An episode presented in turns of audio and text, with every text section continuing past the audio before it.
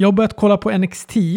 Alltså, att jag kollar på NXT det vet vi ju sen, sen innan. Jag har börjat kolla på gamla NXT. Alltså NXT, NXT från när de gick från att vara en timma innan eller efter, jag kommer inte ihåg exakt hur det var, på main rosten då, till att eh, vara i Full Sail Center, alltså där de håller till nu. Mm. 2012 eh, startade de med det, då, sommaren 2012.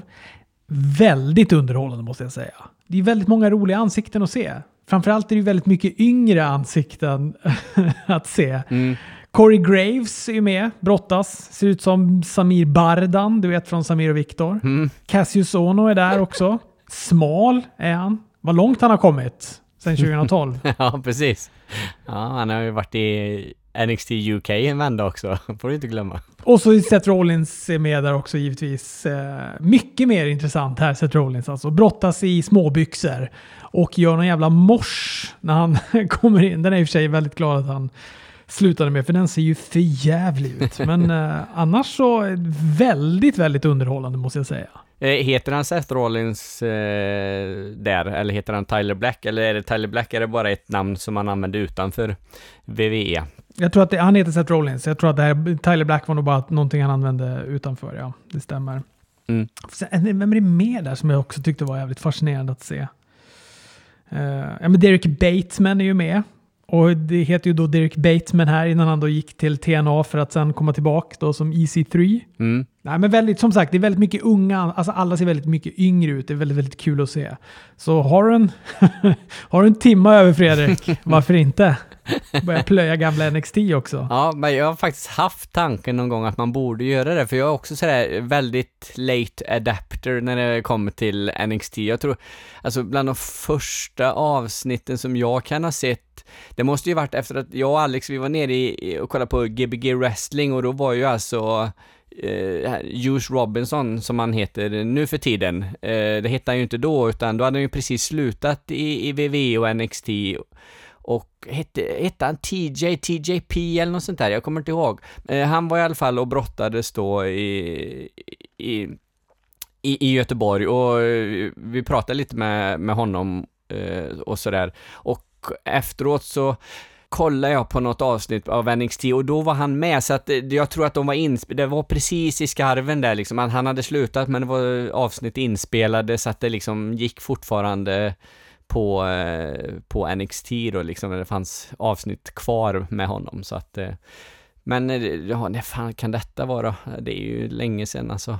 CJ Parker ser- jag att han heter, ja. Inte TJ, utan CJ. Ah, CJ, ah, okej. Ja. Mm ja, nej men eh, spännande. Men sen var det ju ett jättehopp där innan jag verkligen började följa NXT. Du vet, jag såg inte de första sådana här takeovers och allt det heller egentligen, utan eh, ja, spänn spännande. Det, det, det är ju kul när man ser eh, brottare då på main rosten idag och så kan se dem hur de var för några år sedan innan de, de kom dit. Det är, ju, det är ju även kul när man liksom kollar på på annan gammal wrestling från något annat förbund, Ring of Honor eller eh, Impact eller vad det nu kan vara och så dyker det upp någon då som nu är en VV-brottare, Det är ju alltid, alltid spännande. Vi kan väl ta oss in på Smackdown, för vi ska ju ändå dit. Mm. Eh, och vi kanske också ska verkligen se till att, att ägna det här avsnittet åt just Raw Smackdown. Vi fick väl ett meddelande va? Det var en kille som heter Fredrik som skickade ett meddelande till dig. Ja, precis. Eh, det var det. Och det är, inte, det är inte jag själv som har skickat det till mig själv då, utan det var, det var en annan Fredrik där.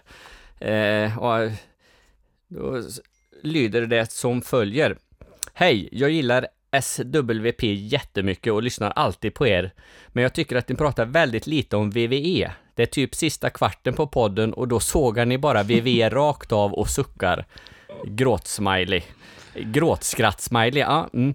Så dåligt är det ju ändå inte. Jag gillar i alla fall Raw och Smackdown. Hälsningar Fredrik. Nej, men jag, och jag håller med Fredrik här. För att när jag också satt och klippte vår förra podd då, så insåg jag det när den hade gått mot en sån där...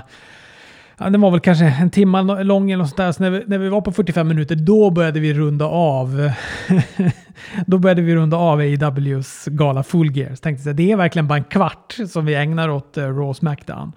Så, att, eh, så jag, jag kan ändå förstå den kritiken. Om, om vi nu har två poddar, det en i alla fall kanske framförallt ska handla om Raw Smackdown, då kan man ju försöka kanske tillägna lite mer tid än en kvart åt det. Och därför så satte jag mig och tittade på Smackdown och kände så här, nu ska jag verkligen anstränga mig att hitta guldkornen och suget av WWE. Mm. Men de gör det inte lätt för sig när de släpper på den där Baron Corbin-starten alltså. Eh, nej, nej, det, det gör de ju inte.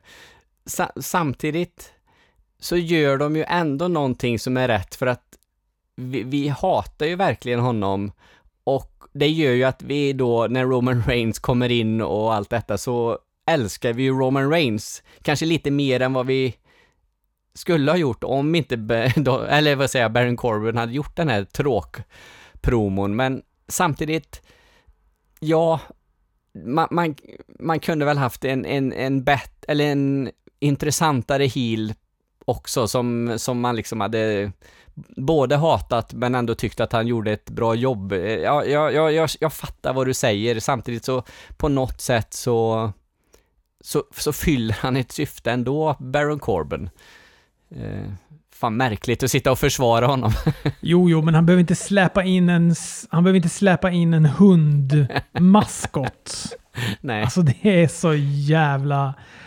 Oh, gud vad det är dåligt alltså. Det är så då, alltså jag blir så provocerad när jag ser det där. Och så, du vet, och så sitter jag där och verkligen tänker att nu ska jag göra allt för att jag inte ska bli provocerad av det jag tittar på. För att eh, jag vet hur, exakt hur Fredrik är. Jag har ju också känt ibland, fan folk pissar på VV. Så jävla dåligt är det ju inte. Mm. Men eh, jag, nu är det faktiskt riktigt, riktigt illa. Jag tycker det är så jäkla dåligt. Sen nu ska jag he helt ärligt säga att, att Smackdown hämtar sig och jag tycker att Stundtals är Raw också ganska bra, men, eh, men den här starten, du vet när man då verkligen anstränger sig och så får man den här jävla hunden! ja, nej men alltså jag skulle vilja eh, ge eh, Smackdown denna veckan betyget, alltså det är rent utav bra. Och eh, Raw är väl kanske, ja, Raw är ett, eh, ett ett, ett wrestlingavsnitt med lite högt och lågt sådär. Men, men Smackdown tycker jag faktiskt, om man nu bortser från Barry Corbin i början, så den matchen som kommer efteråt, och avslutningen på den matchen tycker jag eh, blir, blir, riktigt bra. Sen är det många andra matcher som jag var, jag var liksom, jag var nöjd när jag hade sett det här Smackdown-avsnittet. Jag eh, hade inte mycket att, att, att gnälla på alls, eh, ärligt talat. Jag tyckte att sista, vi kommer väl kanske dit, var, var lite knepigt det här Daniel Bryan, Bray Wyatt-grejen. Jag tyckte inte de fick, fick ihop det riktigt. Det blev lite antiklimax när de väl hade liksom sagt att ah, de ska ju mötas då på Survivor Series. Det, mm. Men vad, vad, mm, vad, vad, säger du? Ska vi gå igenom matcherna lite grann? kan vi göra. Jag skrattar till bara för att nu när jag sitter och tittar på det jag har skrivit upp då. Ali och Shorty G ska då försvara sin position i Smackdown Survivor Series-lag där de då möter Dolph och Rude. Och då kan jag inte sluta tänka på att Ali och Shorty G, tittar jag på det snabbt så blir det Ali G. Du vet den där fruktansvärt överskattade karaktären som Sasha Baron Corbin. Vad heter han? Sasha Baron... Cohen. Corbin. Nej, inte Corbin. Cohen. Cohen spelade jag. Nej men absolut, om jag ska säga någonting positivt om den här starten så, så tycker jag att, att matchen där ändå blev ganska bra. Framförallt så tycker jag att kameraklippningen är det som att de har gjort om lite, i alla fall i den här matchen. Jag tror inte att jag såg det på Raw igen sen, men här så var det så. Du vet, WWE har ju en tendens ibland att de ska byta kameravinklar i samband med grepp. Mm. För att det ska ge någon sorts Alltså du vet, de zoomar in i samband med att brottaren åker ner i backen för att det ska ge någon sorts visuell effekt. Att det här ser ut att göra mycket ondare än vad det gör. Och här var det som inget sånt. I alla fall inte i sista minuterna här. Och de här serien grepp som sker utanför ringen. Jag menar Romans dropkick när han kommer och du vet landa på ringkanten. Mm. Ali kommer sen då rakt in i sitt suicide dive då och Rude åker då rätt in i det här kommentatorsbordet som är där. Allt kändes... Hela den serien kändes ganska fräsch filmad på något sätt. Mm. Ja, ja, men jag gillar verkligen det också. Så kom det en spear från Roman på Corbin och, och lite sådär. Så att, eh, och alltså Mustafa Ali och då Shorty G då, de, de är, alltså Chad Gable, han är riktigt, riktigt bra alltså. Det, han skulle få ännu mera utrymme. Han, fan, han skulle passa liksom i NXT eh, och så fighta som cruiserweight-titeln där med med Garcia och Leo Rush och, och de här. Fasen var bra han skulle göra sig där alltså. Så att, eh, men eh, nej, han, han, funkar bra här också i, i tag team med, med Mustafa Ali. Och Dolph Ziggler och Rude, de är ju liksom, de är ju kompetenta wrestlare och gör bra wrestlingmatcher så att det, det, är klart det ska ju bli bra det här. Så att, eh, mm. En sak som slog mig också, det är ju när man får se det här äh, backstage-segmentet ähm, innan. Eller det är väl en trailer de gör helt enkelt, för då programmet Backstage. Där då CM Punk då debuterade och, äh, och då ska vara med som någon sorts analyst eller analytiker eller vad fasen det nu hans roll kommer vara där. Äh, det kommer vi väl få se. Så, alltså vad lite, vad lite, vad lite snack det har varit om det där du vet, inte ens sin punk-chants och sånt på, på Raw eller på Smackdown. Det var någon här inför typ när Randy Orton skulle ha en på Raw, nu hoppar jag till Raw då, men när han skulle då presentera sin mystery partner inför att de skulle möta Viking Raiders. Då hörde man mm. lite svaga simpunk chants här och där. Men annars, fan, jag trodde det där skulle vara mycket, mycket mer än vad det var. Ja, precis. Men tror du inte det är, är så lite då, eh, alltså även jag då som är i konkurrens med dig, Sveriges största CM Punk-fan. eh, så... Eh, Vad alltså, säger det för protokollet att det är inte jag som har kallat mig det? Det är Paul Laje som har kallat mig det. MMA-kommentator. Ja, precis. Precis på, på Viasat där. Mm. I, I direktsändning, visst var det så? Mm. Sin Punks mm. senaste match. Ja, det är, det är ju stort kanske. Hörni, nu... Eh nu gör vi oss redo. Jag nämnde sist jag kommenterade med Magnus Edenblad, Sveriges största CM Punk-fan i Sverige. Han heter Robert och jag vet att han sitter jättenervöst och tittar på det här nu. Nästan lika nervös som mig. Vi är nog lite nervösare, men först ska vi köra lite statistik. Eh, I alla fall, vart var jag?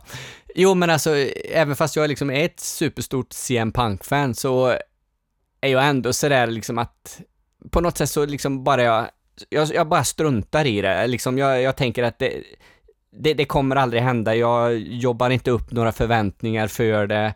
Eh, och det kanske är lite så hos publiken också, att de, eh, att de liksom, även fast han är nog tillbaks i VVE på något sätt, även fast han är anställd utav Fox och allt detta då, så ändå så kanske man inte liksom vill håsa upp någonting och få förväntningar som bara kommer bli, eh, man bara kommer bli besviken, så därför kanske inte publiken riktigt har eh, brytt sig än. Det se, får se lite vad som händer och vad han säger och vad han, eh, vad han gör under backstage. Det, det kanske liksom tisas lite och ja, man vet ju aldrig. Men eh, vi får väl se. Men det är någonting också tycker jag med, jag såg en sån här eh, typ eh, sju minuter, i, eller vad heter det, timmarna innan hans Fox-debut. Den var väl sju minuter lång nästan, som, som VV hade lagt upp på, på, jag tror det var YouTube. Och eh, jag, vet, jag vet inte, jag tycker det är lite smärtsamt också hur han så här pratar om att han, eh, it's time to break the internet och såna här saker. Och så bara, ja fast landade inte det där ganska platt? Det var inte, det var inte, så, många som var, det var inte så många som brydde sig ändå, tyvärr. Nej, precis. Men, men jag tror just det att det, det, liksom, det är ett, det är ett talkshow-program på Fox eh, som liksom ska prata om VVE. Alltså jag, jag tror inte det slår. Det, alltså hade, hade han kommit in och varit kommentator eh, och skulle kommenterat Smackdown till exempel, skulle varit en som suttit där. Ja, det hade ju slått mycket, mycket högre och då hade ju förväntningen också att han skulle gå från kommentator till, till brottare varit varit kanske mer realistiska och mycket större än vad de är nu. Det här är ju ett egentligen ett, ett icke-program som ingen bryr sig om. Vad hade de? 50 000 första programmet och 100 000 då. Sen får man se hur många tittare de har i, i, i kväll då. Det är tisdag nu när vi, när vi spelar in det här och eh, han skulle vara med då i det här avsnittet också på, på Backstage. Vi får väl se ifall fall tittarantalet eh, ökar och fall det liksom har någon påverkan att CM Punk är där. Eh, men ja. Survivor Series är ju också i Chicago, vilket eh, där lär det väl på något sätt märkas av kan jag tänka mig. Sen är ju frågan är, kommer han dyka upp där eller inte? Kommer han inte göra det kommer publiken gå bananas. Alltså de kommer ju verkligen tala om att de är missnöjda med beslutet att han inte dyker upp där. Samtidigt som det känns som att det verkligen inte är en självklarhet att han kommer dyka upp där. Nej, det är det väl inte. Och jag känner att jag vill nog inte att han ska dyka upp om det liksom inte finns en en chans till att han ska eh, börja brottas igen. Ska han inte börja brottas, då ser inte jag någon anledning ens att han dyker upp där, inte i det här läget i alla fall.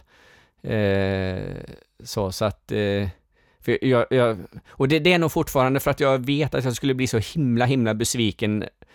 För jag vill att han ska, liksom, ska komma tillbaka och brottas och kommer de hålla på och tisa och larva sig och sen kommer det aldrig bli något. Jag kommer bli så, jag kommer bli så ledsen då så att eh, det är nog därför jag liksom det, det, det är fan nästan bättre att han inte hade kommit tillbaka överhuvudtaget. Eh, så, men fin, nu, kommer han nu tillbaka och brottas, ja det, då är det väl fantastiskt då, men eh, jag, jag, jag är fortfarande tve, tveksam till det, så att eh, ja, vi får väl se vad som, vad som händer med, med Mr Punk. Bray Wyatt har ett eh, Firefly Funhouse där han gör en eh, minimal förbättring av universaltiteln. Den får någon sorts mer Smackdown-kompatibel kulör, den här blå färgen. Jag tycker det är bättre än den röda. Jag hatade ju det där röda lädret. Alltså jag avskydde det som pesten. Och jag tycker det här ser lite, lite bättre ut. Men jag fattar inte varför de inte bara kan göra så med kvinnotiteln. Alltså att den är svart och så kan den väl bara vara blå i rutan i mitten behöver inte vara, hela bält, hela bält, själva bältet behöver inte vara blått. Ja, men de färgade bältena är inte så himla snygga alltså. Men det är också så konstigt att det här är grej, alltså det här lägger de detaljer på. Så in i helvete. Ja, nu är ju universaltiteln som har varit röd, nu är den på Smackdown. Smackdown är ju det blåa, eh, the blue brand. Då måste vi ju om titeln illa kvickt. Ja, där, där håller de på att peta med detaljer och följer Eh, gängse praxis och sånt här. Men i storylines och sådana saker, där, där är det inte lika, inte lika noga där. Ja, fast ändå, ändå bra tycker jag att de ändrar bältet, det måste jag ju säga. Eh, för det hade varit konstigt om det hade varit ett, ett rött bälte. Inte bara för att det kanske inte är det världens snyggaste, men det hade varit det har, det har varit verk, märkligt. Det är märkligt att universaltiteln bara bytte, eller bara bältena bytte brand sådär hux flux, eh, men ja, jag vet inte, jag vill ju fortfarande eh, ha den här eh, unif unification av bältena som vi blev teasade då på Raw efter WrestleMania. Det hade ju varit asfräckt om de verkligen hade gått en match där, eh, Kofi Kingston och Seth Rollins och, och vi hade fått en mästare där, precis som vi hade på damsidan och sen hade det blivit ett bälte. Men det, nu är det ju, det är ju så, de, de är på två olika tv-kanaler och allt detta och då, då, då funkar det liksom inte att och ha det så, antar jag. Kan vara lugn Fredrik. Det kommer nu efter Survivor Series när de märker att tittarsiffrorna kommer dala när de inte kan hålla på ha brottare som kommer fram och tillbaka på de olika brandsen. Så då lär den väl vara över den där brandsplitten ännu en gång.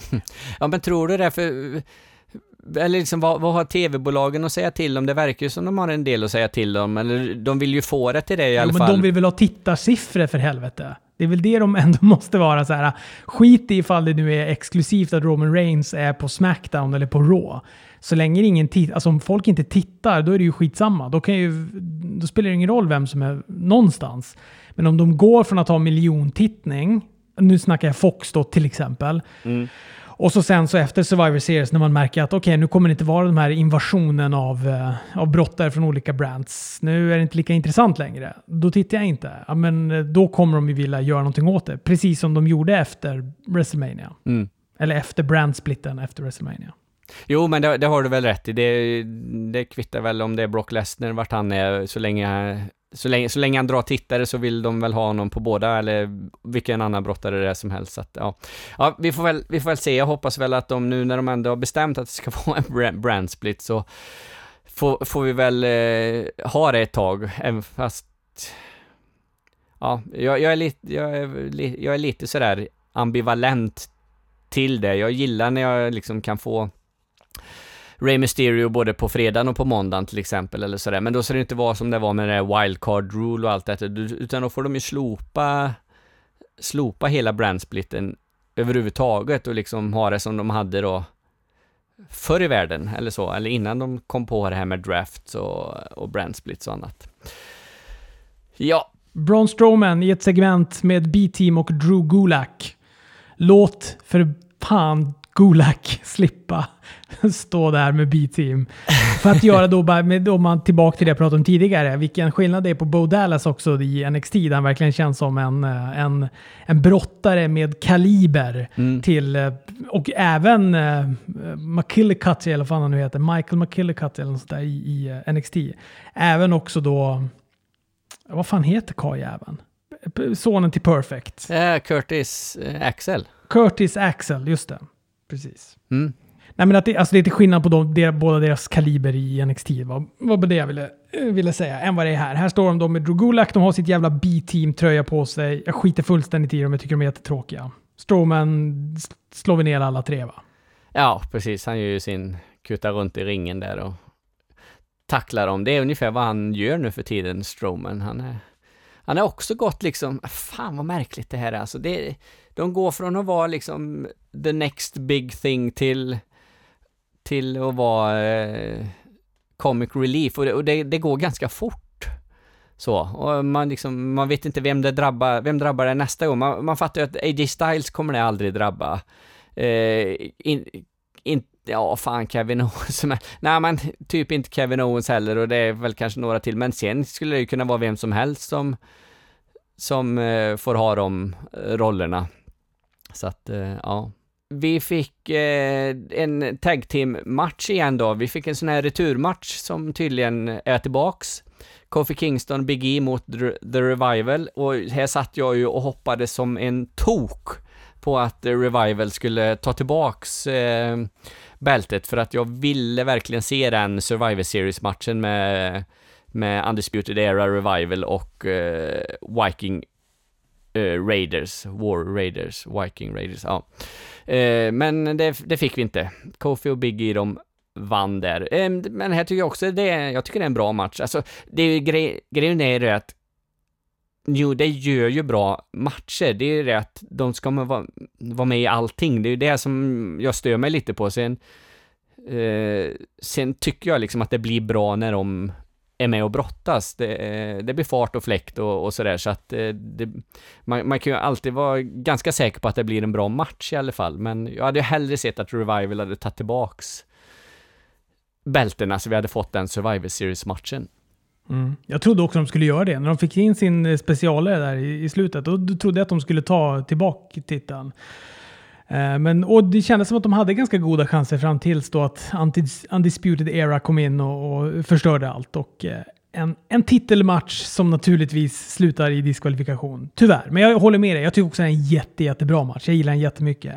Kofis, det här stage dive-dyket han gör över topprepet. Alltså det är alltid kul att se. Ja, men det, det ser så, det ser så nonchalant ut, så att eh, Ja, bara det gör ju att det blir, eh, det, är- det är därför det blir bra liksom, för att det ser så, ja, det ser gött ut när han bara hänger i luften där. Mm. Sen vet inte jag om det var innan den här matchen eller om det var efter matchen, men det var ju ett förbannat roligt segment ändå med Sami Zayn, Shinsuke Nakamura och Daniel Bryan. Alltså jag älskar att Sami förklarar att han drog och, och lämnade Daniel Bryan i sticket när The Fiend kom förra veckan och körde ner fingrar i halsen då på, på Daniel Bryan för att han skulle hämta Nakamura för hjälp. Är väldigt, väldigt, väldigt, väldigt, väldigt bra.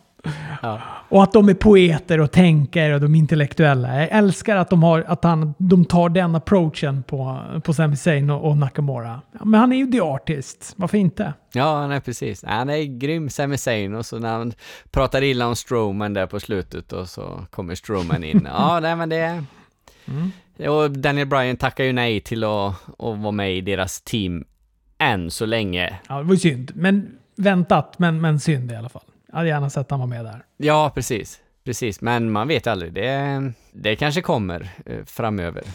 Heavy Machinery mot ett jobbersgäng. Eh, Du vet vad jag tycker om de här jobbersmatcherna, men det var ändå underhållande att se att de här jobbersna hade problem att utföra en tag. Så hur, hur svårt kan det vara? Fan, det är en high five. Uppenbarligen väldigt, väldigt svårt. Du har väl sett sådana där high five compilations, uh, fails på, på YouTube. Det är, det är svårt det där. Så att, uh, ja, ja, ja, jag, jag lider lite med dem när de får, får vara med i, på, på Smackdown på tv och allt detta och även fast de bara liksom ska vara inne där för att få stryk så det, det som folk kommer komma ihåg det är att de inte kunde tagga ens. Ja, det, det är lite synd. Men alltså, det, det här är ju precis som du säger en jobber, jobbersmatch, bara squashmatch. Men alltså jag, jag var underhållen av den ändå. Jag tyckte att, alltså Otis, han är ju så jävla rolig alltså. Ah, ja, jag tycker han är helt underbar. Så jag tyckte faktiskt att detta var en riktigt eh, Jo men, jo, men det, det är liksom, för att vara den typen av match så var den, så var den underhållande. Jag, jag tyckte verkligen det, så att, eh, mm. Ja, sen var det Nicky Cross och Bailey. Det blev väl inte heller mycket till match av det här. Hela NXT Hela NXTs damliga bestämde sig för att komma in och så även Smackdowns och så blev det stök som dominerade ut i en match istället mellan Sasha, Nikki, Carmella och Dana Brooke mot Dakota Kai, Mia Jim, Rhea Ripley och Tegan Nox. Mm. Helt okej okay ändå. Det glimtade väl till lite extra tycker jag när Rhea Ripley och Sasha Banks var inne i alla fall. Och eh, ja, Nicky Cross och NXT-arna också, absolut. Det var bra. Men Carmella, alltså, jag vet inte, har hon blivit sämre eller? Kommer jag måste ta din gamla ståndpunkt när det gäller hon? Jag tycker hon har... Det är som att hon har slutat sälja helt och hållet. Hon ser mest besvärad ut när hon så måste bumpa ner på rumpan eller någonting. Nej, men hon är väl ingen vidare egentligen. Jag gillar väl henne mest när hon eh, kutar runt med Art Truth därför att det var, det var liksom var roligt eh, så, men eh, hon är ju ingen vidare wrestlare, det, det ska vi ju vara ärliga och säga. Och Dana Brooke är inte så jävla spännande heller, så att eh, det, det, är ju egentligen två stycken i det här teamet, Nicky Cross och Sasha Banks, som är något som man, som man bryr sig om. Eh, sen tycker jag ju hela NXT-teamet eh, är ju, är ju bra eh, och då kanske framförallt Rhea Ripley, hon, hon ser ut som en riktig jävla stjärna. Eh, det ska bli kul att och följa henne. Och jag, jag kan ju tycka att eh, alltså NXT, deras damdivision, den är ju tusen gånger intressantare än vad main roster damdivisionen är. Gud ja. Gud ja. ja. Gud ja, gud ja. Alltså jag vet, jag vet inte, det är möjligtvis Aska då som jag liksom eh, tycker är liksom kul när hon är inne, sen får hon ju inte vara inne, ja nu är det lite mer då i och med att hon är tag team, jag kanske hellre skulle se henne eh, singel, singelbrottare och så att hon är med där och, om, om, och, om ett bälte liksom. Det är det, det tycker jag att hon ska vara. Men alltså, sen, nej, jag, när det kommer in dambrottare just nu så känns det pissetråkigt alltså, både på Raw och Smackdown. Tyvärr. Nicky Cross lyckades i alla fall då vända Dakota Kais grepp och vann och sen så blev det, blev det lite stökigt igen där. Men du Mia Jim, hon fick inte eh, mycket tid. Hon kanske var i och för sig lite tilltufsad sen, ja, men... sen stegmatchen på NXT bara några, några, några dagar innan där. Fan, hon hade ju mer bandage än vad du har. ja, först trodde jag så här, hon skaffade någon ny fräsig svank-tatuering, men sen insåg jag att hon var upptejpad hela, hela hela ryggslutet, så det var det istället. Ja, precis. Och näsan var väl eh, tejpad också, det satt väl någon liten tejp där, så att eh, jag, jag, jag tycker att vissa var för hårda mot Mia Jim, att inte hon gjorde supermycket den här matchen, för hon, det var inte så många dagar sedan, det var typ två dagar sedan som hon fick en, en steg i, i nyllet och så eh, blev kastad på en, så att, eh, ja, cut her some slack, som vi säger.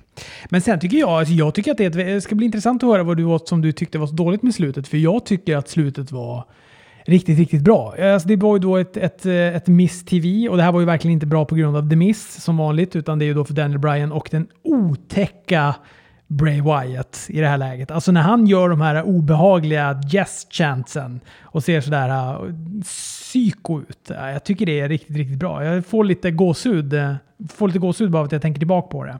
Han spänner blicken i sådär också och skriker. Nej, jag gillar det jättemycket. Och så fick, blev det ju klart också att de, att de ska gå nu då match på Survivor Series om titeln. Det kan bli spännande. Förhoppningsvis utan rött ljus dock. Eh, det är väl kanske att hoppas på mycket kan jag tänka mig. Jag såg något klipp där någon hade filmat från nu när de var senast då i, i, i England, då The Fiend kommer in i slutet mot, mot The OC av alla. Vilket också är så här, jag vet inte om han är face eller om han är heel The Fiend eller inte. Där då i England när han kommer in beter han sig väldigt eh, faceigt. Så att det kanske är på gång någon vändning eller något sånt där. Eller så är det bara för att han är så jävla populär och de vet att det här är en, ett, ett dark moment. Så att man, eh, det är ingenting som kommer, kommer nå tv-tittarna, att det, att det är därför han beter sig i Faceit. Då. Men, men då kör de i alla fall det där jävla röda ljuset. Och jag kan säga det, om man tyckte att det var svårt att se liksom hemma i tv-soffan så var det ju ingenting. Nu var det i sig det via någon jävla mobilkamera så det kanske också mm. spär på det där lite grann. Men man hör ju folk omkring bara “What's happening? What's happening?” Det är kontraproduktivt att, att dra på ett ljus som gör att man inte ser vad det är som händer när ens största attraktion gör entré. Ja, nej men det får vi hoppas att de inser till slut att vi inte kan ha det röda ljuset. Eh, jag tror ju att Bray, eh, Bray Wyatt och The Fiend kommer eh, göra någon face-vändning för han är ju så populär. Du hörde ju liksom när hans fade mot eh, Seth Rollins här så eh, folk älskar ju honom så att eh, jag tror verkligen att, att han kommer bli bli face, även fast han har den här psykokaraktären som han har. Eh, eh, nej men alltså, du undrar vad jag tyckte var eh, dåligt, jag tyckte väl inget var dåligt med detta, och eh, alltså precis det du säger, allt det här yes och, och när de snackar med varandra bort och fram och, och allt detta, det, det, är hur bra som helst. Det, det jag tyckte bara blev ett antiklimax, det var liksom när de väl hade kommit fram till det här att att eh, de då skulle mötas, de skulle gå en match. Då var det liksom som att ingen av dem visste hur, hur avslutar vi det här nu? De liksom, det var tre stycken som stod och tittade på varandra. Daniel Bryan tittade på The Miss. The Miss, han liksom, ja men vad fan, jag har gjort mitt här nu. Det var det jag liksom... You're on your own pal. Ja, precis. Ta dig ur det här nu liksom. Eller vänta bara. Vi, vi väntar ut det, så tv-tiden är strax slut här nu. Så nej, men det var det jag tyckte blev lite, lite antiklimax. För det, det liksom, det ska väl vara sådär att, fan, de här ska gå en match, det är, det är stort liksom. Det är en match om mästarbältet. Eh, fast det blev liksom inte det. Publiken var inte riktigt... Det, det var inte riktigt eh, ett eh, supermottagande från publiken. Eh, och Eh, det såg ut som de liksom visste hur de skulle avsluta själva grejen och det var väl det jag tyckte blev ett litet anti, antiklimax. Sen själva segmentet i sig med Funhouse och, och när de snackar med varandra, det är väl hur bra som helst. Så att, eh, det gnäller jag inte på. Mm, men överlag bra Smackdown då får vi väl säga. Ja, men jag tyckte det. Jag, jag, var, jag var nöjd när jag hade sett det, absolut. Trots uppförsbacke med Baron Corbin och hundmaskot. Ja, precis. Men, precis. Det, men det är det man får... Det, det är ju WWE i ett nötskal. Den ska liksom försöka... Jag vet, jag vet inte vilka, vilka, eller man tänker att det är de yngre fansen de ska eh, plisa lite med den här hunden, men är det det egentligen? Eller vem? Nej, jag vet inte. Vem, vem försöker de? Här är det en engångsföreteelse, sen kommer den här hunden aldrig vara med mer. Det är kanske hund... Du, eller... Säg inte det du Fredrik. den där är nog med på Survivor Series också tror jag. Ja. Alltså man tänkte ju att den skulle ha någon funktion, alltså att, eh, att först tänkte jag att ja, men det, det är väl Roman Reigns som är i den där jävla dräkten. Eh, men han såg lite späd ut för att vara det, så att, eh, men tänkte man det kanske är någon annan då liksom som kommer ge sig på, men det var ju inget, inget sånt ens, inte ens det fick vi utav hunden. Men nu skiter vi i det. Nu hoppar vi till eh, Raw. Kul att Iconics är tillbaka. Nja, jo, nja, jag vet inte. Nej men helt värdelös match var det väl inte? Ja, jag vet inte Robert, jag vet inte vad jag ska säga. De är så bra kanske... i sitt memespel och, och där också när, det, det, om man ska snacka om någonting som känns lite apart, det var ju där när Samoa Joe kommer in och jag tänker så här, vad ska Samoa Joe vara med och brottas här nu eller? Ja. Och man ser Peyton Royce, du vet, eh, mima till det här Samoa Joe-vrålet han har i sin, sin låt i början. Mm. De har de här små detaljerna som jag tycker de gör så jävla, jävla bra, som är väldigt, väldigt kul. Sen kändes det som att de hade ändå eh, typ tränat lite, lite. Jag tyckte de ändå gick med på några grepp och de gjorde några grepp och det, det kändes inte helt värdelöst. Nej, jag ger, jag ger dig att de är lite småroliga. Eh, det är de absolut, men eh, jag har inget för dem i, när de väl börjar brottas sen. Det är, det är väl hon Peyton, Peyton Roy som, som har några grejer. Hon, hon är väl den som kan brottas utav dem. Den andra tycker jag är totalt jävla kass, men ja, ja, ja. Sen var det var ju en kort match också och det, det kanske också har att göra med det, att, att det inte kändes helt värdelöst på grund av det. Och för de som då inte har sett det här, om det är någon nu mot förmodan som inte kollar på Raw Smackdown men bara lyssnar på podden då, så gick ju då Charlotte Flair och Becky Lynch match ihop då, en tag team match då mot eh, Iconics, som sen också givetvis blev avbruten i slutet av NXT Run-Ins. Om man börjar se det där några gånger, det är klart att man för sig förstod att det skulle vara mycket sånt, men eh, ja, jag vet inte, det är som att de de bara öser på med de här grejerna så att det slutar vara spännande till slut. Det var ju skitspännande de första, första Smackdownet och första Rawt. Men sen så har det blivit väldigt, väldigt uttjatat. Ja, det, de överanvänder det. De behöver inte ha det de behöver inte ha det både på damsidan och herrsidan och kanske eh, lite däremellan också, utan det hade, det hade räckt med en sån grej eh, idag. Och sen det värsta är ju att Triple H då i slutet då lämnar dörrarna öppna för NXT på onsdag. Jag bara ser 800 brottare som kommer in där eh, och, och så stöka liksom och paja hela NXT på onsdag bara för att det ska vara byggas upp för Survivor Series.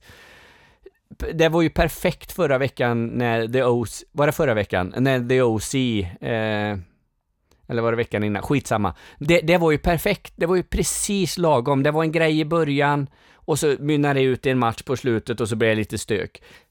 Perfekt, det räcker liksom. Nu fick vi detta om och om igen och precis som du sa, vi fick det på Smackdown, vi har fått det veckorna innan nu, så nu börjar man liksom, nu bryr man sig inte, inte riktigt längre om det. Och sen tycker jag det här... För, förra veckan var det ju extra minimalt, för då var det ju Bailey som var inne i typ två och en halv sekund, något sånt där i slutet bara. Precis, ja men, men det var ju också bra då, även fast det var lite otydligt om det var hon som hade gett sig på, på NXT-brottarna och slått ner dem på parkeringen. Men vi får väl förutsätta att det var det. Men det var ju också sådär, det var, det var lite lagom, de teasade om det i några, eller de hade det liksom med sig hela programmet och så kom hon in i slutet och det... Det, det, ja, vi får väl säga att det, det var väldigt, väldigt lagom och bra. Här blir det överanvänt. Men sen tycker jag att det här Rawt, alltså, det, det är lite märkligt för de har ju en väldigt konstig syn på, på teambuilding och, eh, och eh, managementutbildning här liksom.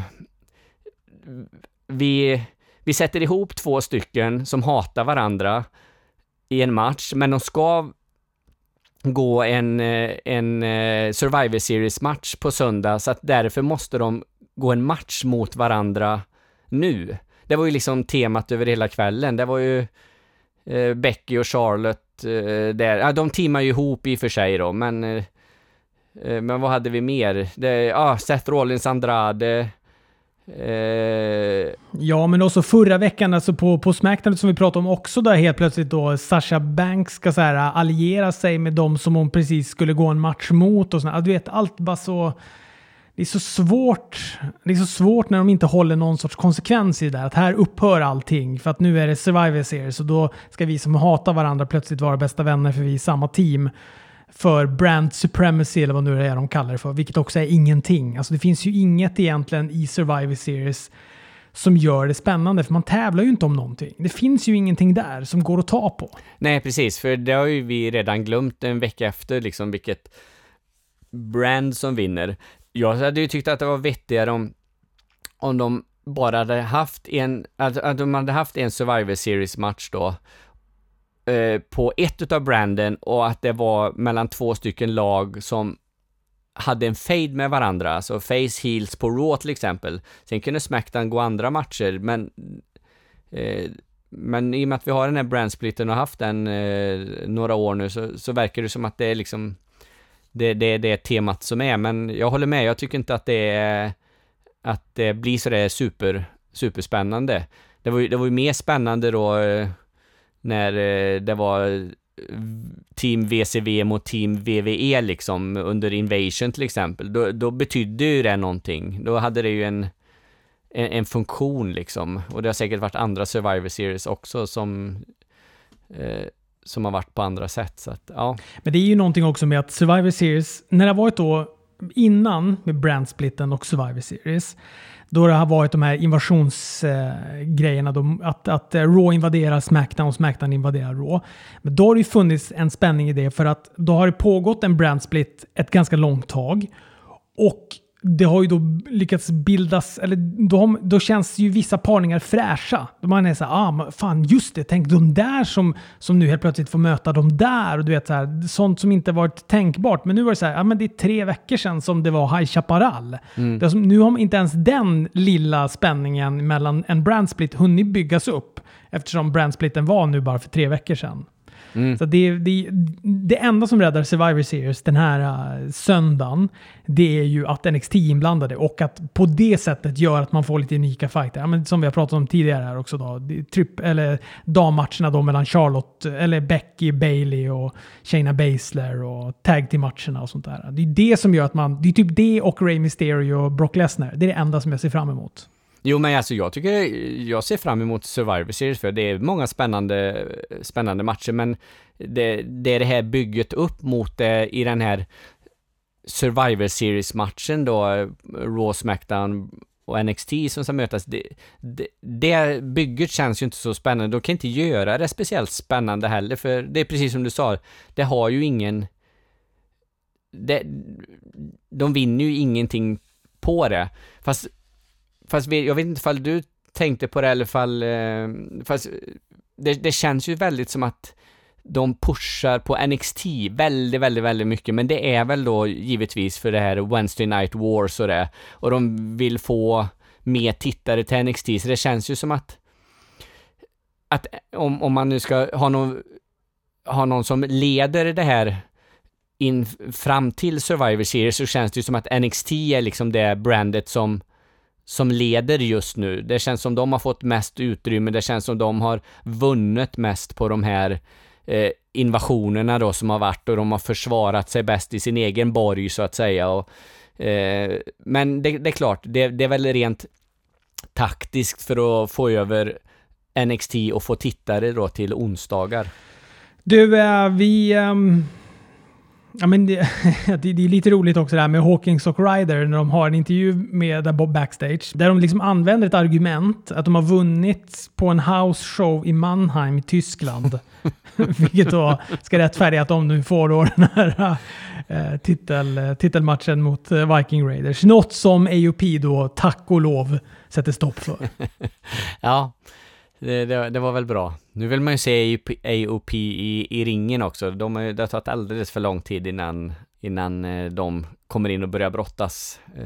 Ja, men de mot Viking Raiders, det kan ju bli bra. Ja, det kan ju bli hur bra som helst. Eh, så. Men det, det måste hända snart, för annars, annars är de obefintliga också. Det, det går inte att hålla på och köra de här eh, promosarna i, i all evighet som är exakt likadana. Eh, det, det, funkar liksom inte. In, inte, det, inte 2019 när folk eh, inte kan eh, göra någonting utan att de måste titta på telefonen eller något för att intressespannet är ja, mellan 30 och 60 sekunder eller något liksom. Det, då kan vi inte ha två månader med samma promo från AOP eller från Alistair Black eller vem det är än är. Eh, så in med dem i ringen. Umberto och Carl Anderson går en match som är inte direkt dålig, men den är ganska osexig tycker jag. Och publiken är ju helt ointresserade av det här. Ja, fast eh, jag tycker att publiken var rätt tråkig rakt över i, i, i Raw här. Jag, jag gillar denna matchen. Jag tycker den är... Jag tycker den är bra. Jag, tycker, jag är ett stort fan utav Umberto Carrillo, så att... Eh, hoppas verkligen att han får... Får... Eh, att han pushas i framtiden och inte blir orelevant som efter två månader eller något sånt där. Så, ja. Och sen fick vi se Street Profit och de komma in och det blir det blir lite röj då. Så att, eh, mm. Och så sen var det ju No Way Jose mot uh, Bobby Lashley. Ja, gud. ja, det här var ju en icke match. Och så det är bara ett bygge mellan Lashley och, och, och Rusevs otroligt tråkiga fade. Det, det enda som är, kanske är positivt med den här faden då, eh, det är väl att eh, Rusev är superöver just nu. Där, man hörde, där hörde man ju det på publiken när de körde då Rusev Day eh, igen, men skitsamma, bara de reagerar och gör någonting så är det väl, så är det väl bra, men ja. Men som du sa, det, den är ju pisstråkig den faden. Seth Rollins sätter då sin eh, kaptensbindel på spel här mot eh, Andrade. För det är så man gör när man är ledare, då steppar man upp och eh, eh, vad är, live by example eller sådär. Så att ja, Men hela den där intervjun han har innan också, du vet, han, det sätt är nu på den nivån att han måste hålla på och prata om de lokala fotbollslagen för att få någon typ av kärlek av publiken. jag tänkte på det med. Ja, men det är så illa är det ju nu. Det är den krassa verkligheten för Seth Rollins. Ja, det, det är precis så det är och, åh gud. Men han går en jävligt bra match mot Andrade. Jag älskar den här matchen. Jag tycker den var riktigt, riktigt bra. Mm, ja men den, den var bra. Eh, och det är ju liksom, Seth Rollins är ju en bra, jag tycker att han är en bra brottare och Andrade är ju en jättebra brottare så att, eh, nej, det, det, var, det, var en, det var en bra match. Han körde en Judas-effekt, såg du det? Andrade. Ja, men den har han ju, den gör ju han eh, lite titt som tätt. Eh, när han fejkar eh, då något knä eller någon spark och sen eh, drar sin armbåge. Han, han har ju det som jag pratade om med Chris Jericho, som Chris Jericho saknar i sin Judas-effekt. Någonting som sätter upp den. Så att man liksom, både han själv, motståndaren och vi i publiken vet att nu kommer den armbågen, för det är liksom en kombination. Det skulle Chris Jericho behöva också. Men nu ska vi inte prata AW. Eh, Selena Vega gör ju sitt som vanligt, eh, tycker hon är skön och bra och sen blir hon utsparkad därifrån också så att, eh, mm. En bra match. Och sen kommer ju då Lucha House Party in och orsakar en diskvalifikation. Ja. Eh, mycket, mycket märkligt slut måste jag säga. Sen har vi ytterligare en bra match tycker jag. Eh, Akira Tosawa mot Buddy Murphy. Mhm. Publiken är stendöd, men eh, den är svinbra matchen. Ja, helt stendöd. Vi fick en inverterad Hurricane Rama, som jag tycker också var riktigt snyggt. Mm. Och det är också snyggt när han, eh, Tosawa, gör en, en senton från topprepet efter att han har trätt Murphy igenom repen likt en sytråd Mm. och hoppar ner där. Det tyckte jag var jävligt snyggt. Ja, och han har ju precis som eh, Kofi Kingston den här lite avslappnade eh, approachen på den. Den är också, han bara hoppar rakt upp i luften och så faller han. Låter, låter tyngdkraften göra sitt och så... Eh, ja, den är snygg tycker jag. Murphy fick ju vinna då med sin Murphys lårer till slut, så att eh, ja. Men vad, vad, var, vad var grejen med Alistair Black? Att Ja, just han var där det. och knackade på. Men då satt Alistair Black på toaletten eller någonting. att han, han, du vet, när man missar att någon plingar på dörren för att man inte har några byxor på sig. Så man ska ta på sig byxorna sen när man kommer fram så är det inte kvar någon där. Han tittar runt. Ah, nu, när- när nu för en gång skulle vara någon där, att pick a fight. Då passade det inte att öppna. Nej, precis. Han, han missade. Ja, det var, det var ju lite... Alltså... Han ska ju inte göra de komiska grejerna. Om, om de nu vill ha ut någon komisk grej utav det här så är det ju fel person att sätta det på Alistair Black. Eh, han ska ju vara så mörk och hård och eh, okomisk man, man kan bli. Sen, andra, sen gick han ju tillbaka Buddy Murphy efter matchen och skulle väl göra samma grej, eh, knacka och springa, men eh, då kom ju Alistair Black ut så de stirrade lite på varandra så att eh, det kanske blir någon match där framöver. Och matchen i sig kan jag ju se fram emot, Alistair Black, Buddy Murphy, det låter ju som att det kan bli bli, bli riktigt bra. Men det är samma sak här, eh, AOP, Alistair Black, det tar för lång tid vi, vi tycker inte att det är intressant längre. Och eh, sen har det varit oerhört märkliga promos han har gjort också, så att det, det hjälper ju inte saken. Ska man säga något om den här uh, Eric Rowan-grejen eller? Vad finns det att säga? Det är lite byfåneliga med och sen har han ju den här då som jag förhopp förhoppningsvis tror är ett barn i en bur. Den hade vuxit sen förra veckan, sa han. Just det, där den ja. Ja, jag, jag tänkte först att det var Ramblin' Rabbit som man hade gömt där inne. Men, eh, och, men det, det tror jag inte att det är. Det var bara en sån där idé jag fick att eh, han skulle ha, i och med att de har en his, historia ihop, eh, Bray Wyatt och Rowan och dem, men det skulle vara lite roligt om det var det, men det är också lite märkligt om de börjar para, para ihop dem nu sådär bara. Ja, och de är ju på olika brands också, så att det vore väl jätte, jättemärkligt. Så att, eh, nej, det tror jag inte, men ja, vi, vi får se vad det är i den där buren. Kanske inte är någonting.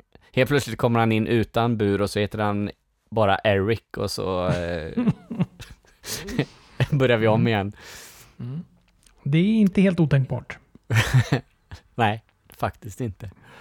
Han vinner i alla fall eh, mot en jobber som heter Malcolm. Kevin Owens, Drew McIntyre. Vad tycker du? My ja, mycket bra.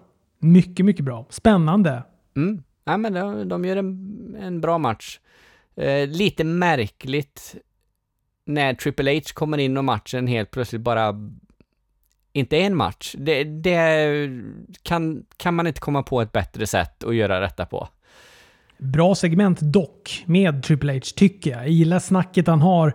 Det var ganska långt i och för sig, men jag gillar snacket. Han pratar om att eh, ja, men han säger att Kevin Owens är för smart och för talangfull och att Raw och Smackdown, eh, de uppskattar inte honom. Vilket också är helt korrekt. Kevin Owens får jättegärna gå till NXT ifall, ifall man får handplocka några som ska tas tillbaka dit. Absolut. Men eh, nu tror jag inte att det kommer bli kontentan av det här, utan det här kommer nog mynna ut i någonting. Eller det mynnar nog inte ut i någonting alls. Det är nog bara den här grejen att Triple H är där och håller på och försöker scouta tillbaka lite gamla, gamla rävar från NXT.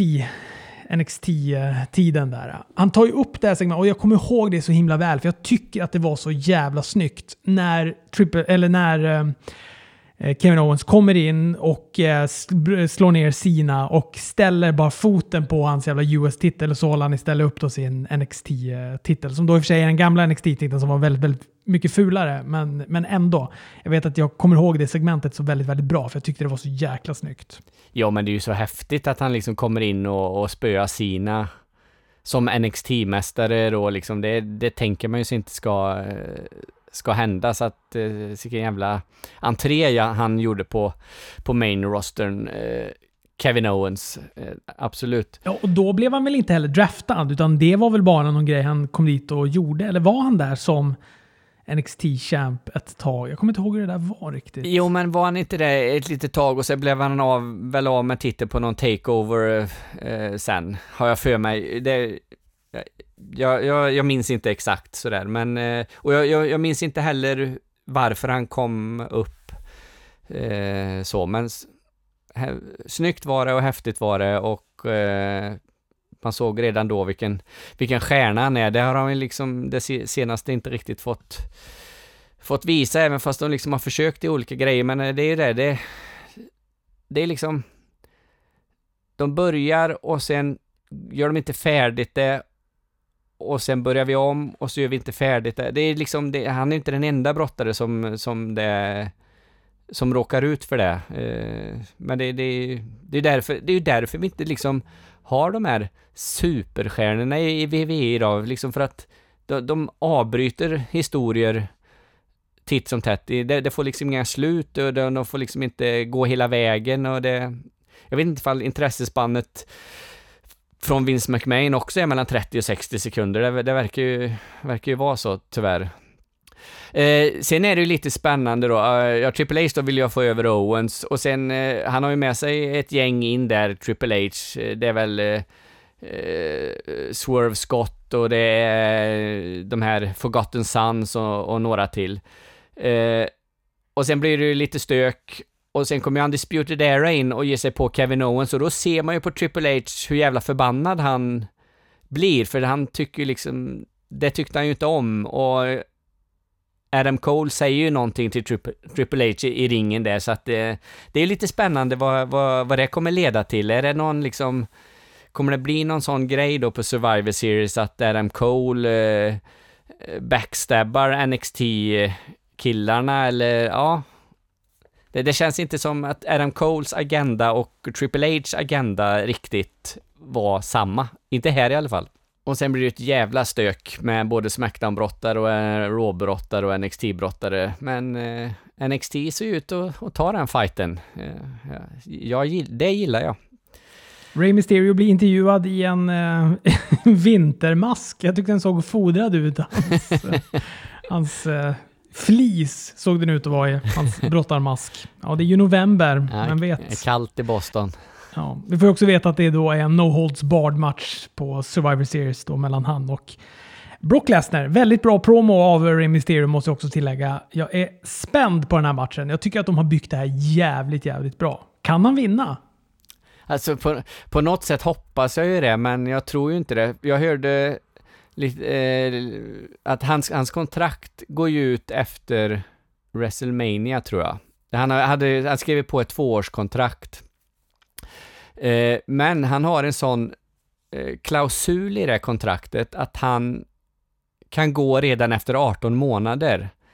Och då är det ganska snart, eh, de här 18 månaderna. Så att eh, det, det, det, är lite frågan vad, vad, eh, vad, han, vad han vill. så.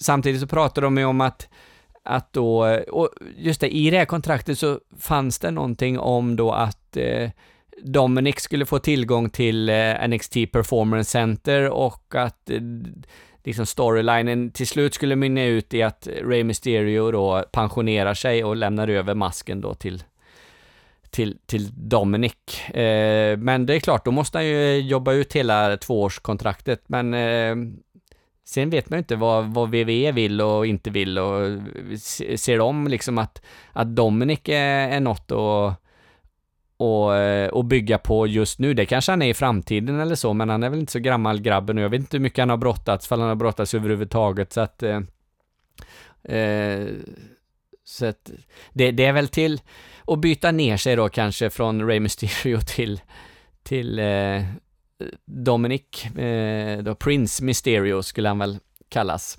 Ja, jag skulle vilja se Ray Mysterio i, i, i AW, det vore ju fräckt. Ja, verkligen. Men han, det är ju inte så att han har haft någon lysande karriär i WWE de här månaderna som han har varit där. Utan det är ju... Nej. Verkligen. Det är ju först nu, men det förklarar väl kanske saken då om hans kontrakt och det håller på att börja ta slut. Det är, det är först nu som de liksom börjar grooma honom till någon sorts main event-brottare som han egentligen är. Ja, absolut. Men kan, kan det vara så här då? Säg att han tar titeln här nu mot Brock Lesnar. Och sen håller han den fram till WrestleMania och sen eh, går han sin retirement-match på, på WrestleMania i Tampa nästa år.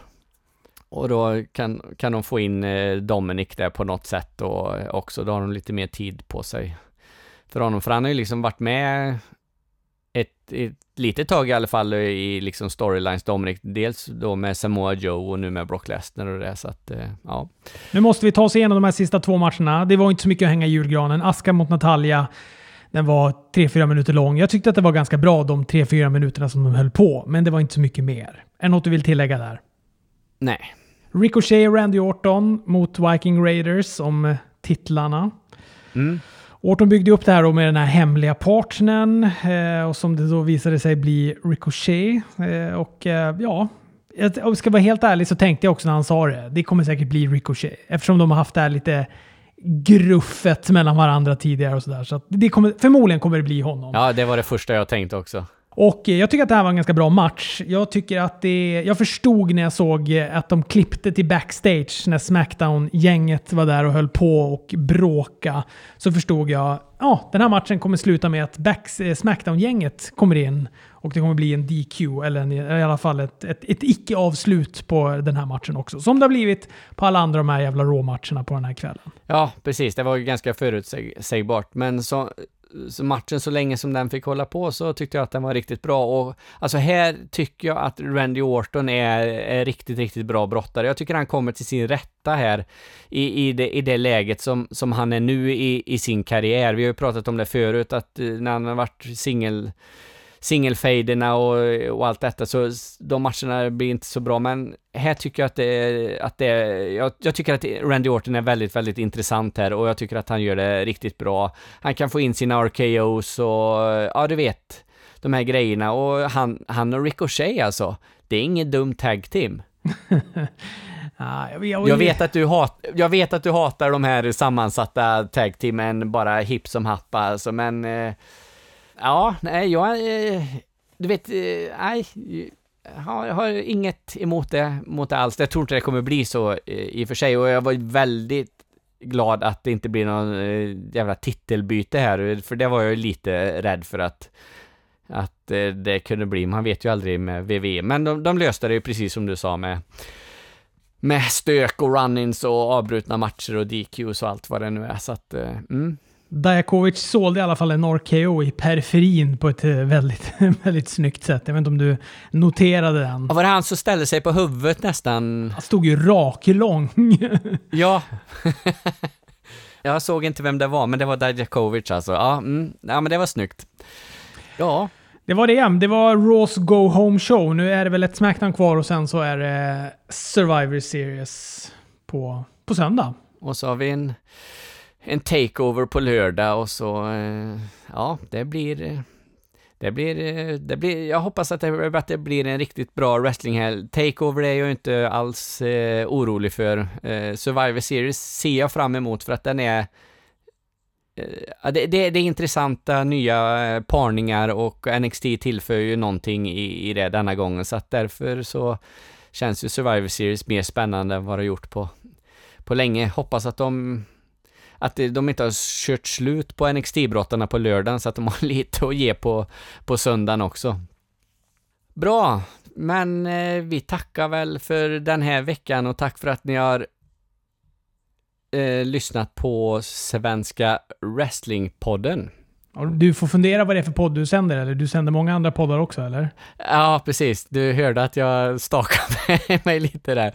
Ja, nej, det, det är the one and only podd som jag, eh, som jag, som jag har. Eh, så, så är det.